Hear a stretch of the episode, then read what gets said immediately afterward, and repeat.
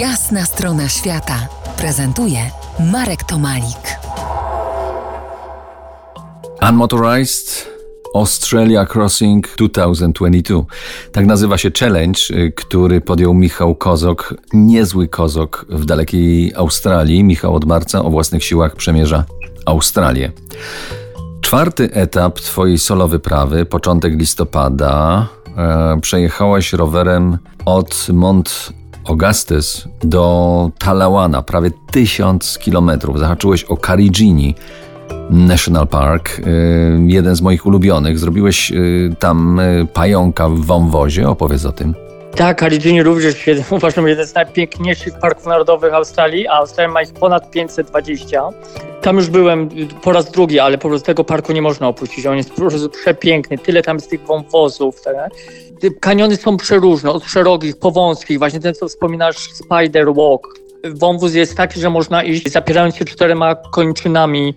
Ja tam jeździłem, jak to zwykle pewnie robisz podobnie. O wschodzie słońca wyjeżdżałem z y, kempingu, docierałem tam przed siódmą rano i byłem, byłem jedyny, czasami miałem innego fotografa gdzieś tam w wąwozie, pusto. Oczywiście trzy godziny później tam jest pełno ludzi, hałasów, wrzasków i tak dalej ale bycie tam wieczorem lub rano samemu w takim miejscu to jest niesamowite. Gra kolorów czerwieni, pomarańcza i, i niebieskiego nieba z zieloną roślinnością jest po prostu idealne dla fotografii, dla oka.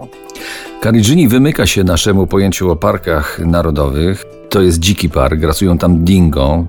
Z jednego krańca parku narodowego na drugi jedzie się kilka, nawet kilka godzin, a na jednym z pól kempingowych nie ma zupełnie e, wody. Spałeś na tym polu bez wody?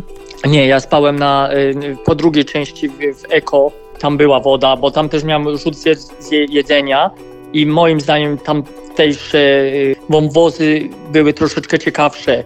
Aczkolwiek później pojechałem na południe parku, gdzie jest najwyższy szczyt Australii Zachodniej i tam to już nie ma w ogóle turystyki rozwiniętej. Tam nawet e, jak się wjechałem do e, headquarters o, do rangersów, to powiedziałem, to oni po prostu nie mieli pojęcia, ja się pytam o drogę, czy mogę dojechać tędy, czy tamtędy.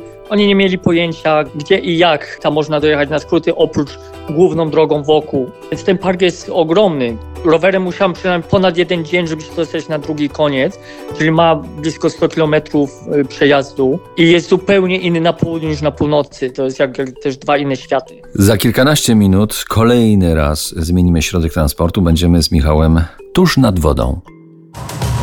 To jest jasna strona świata w RMS Classic.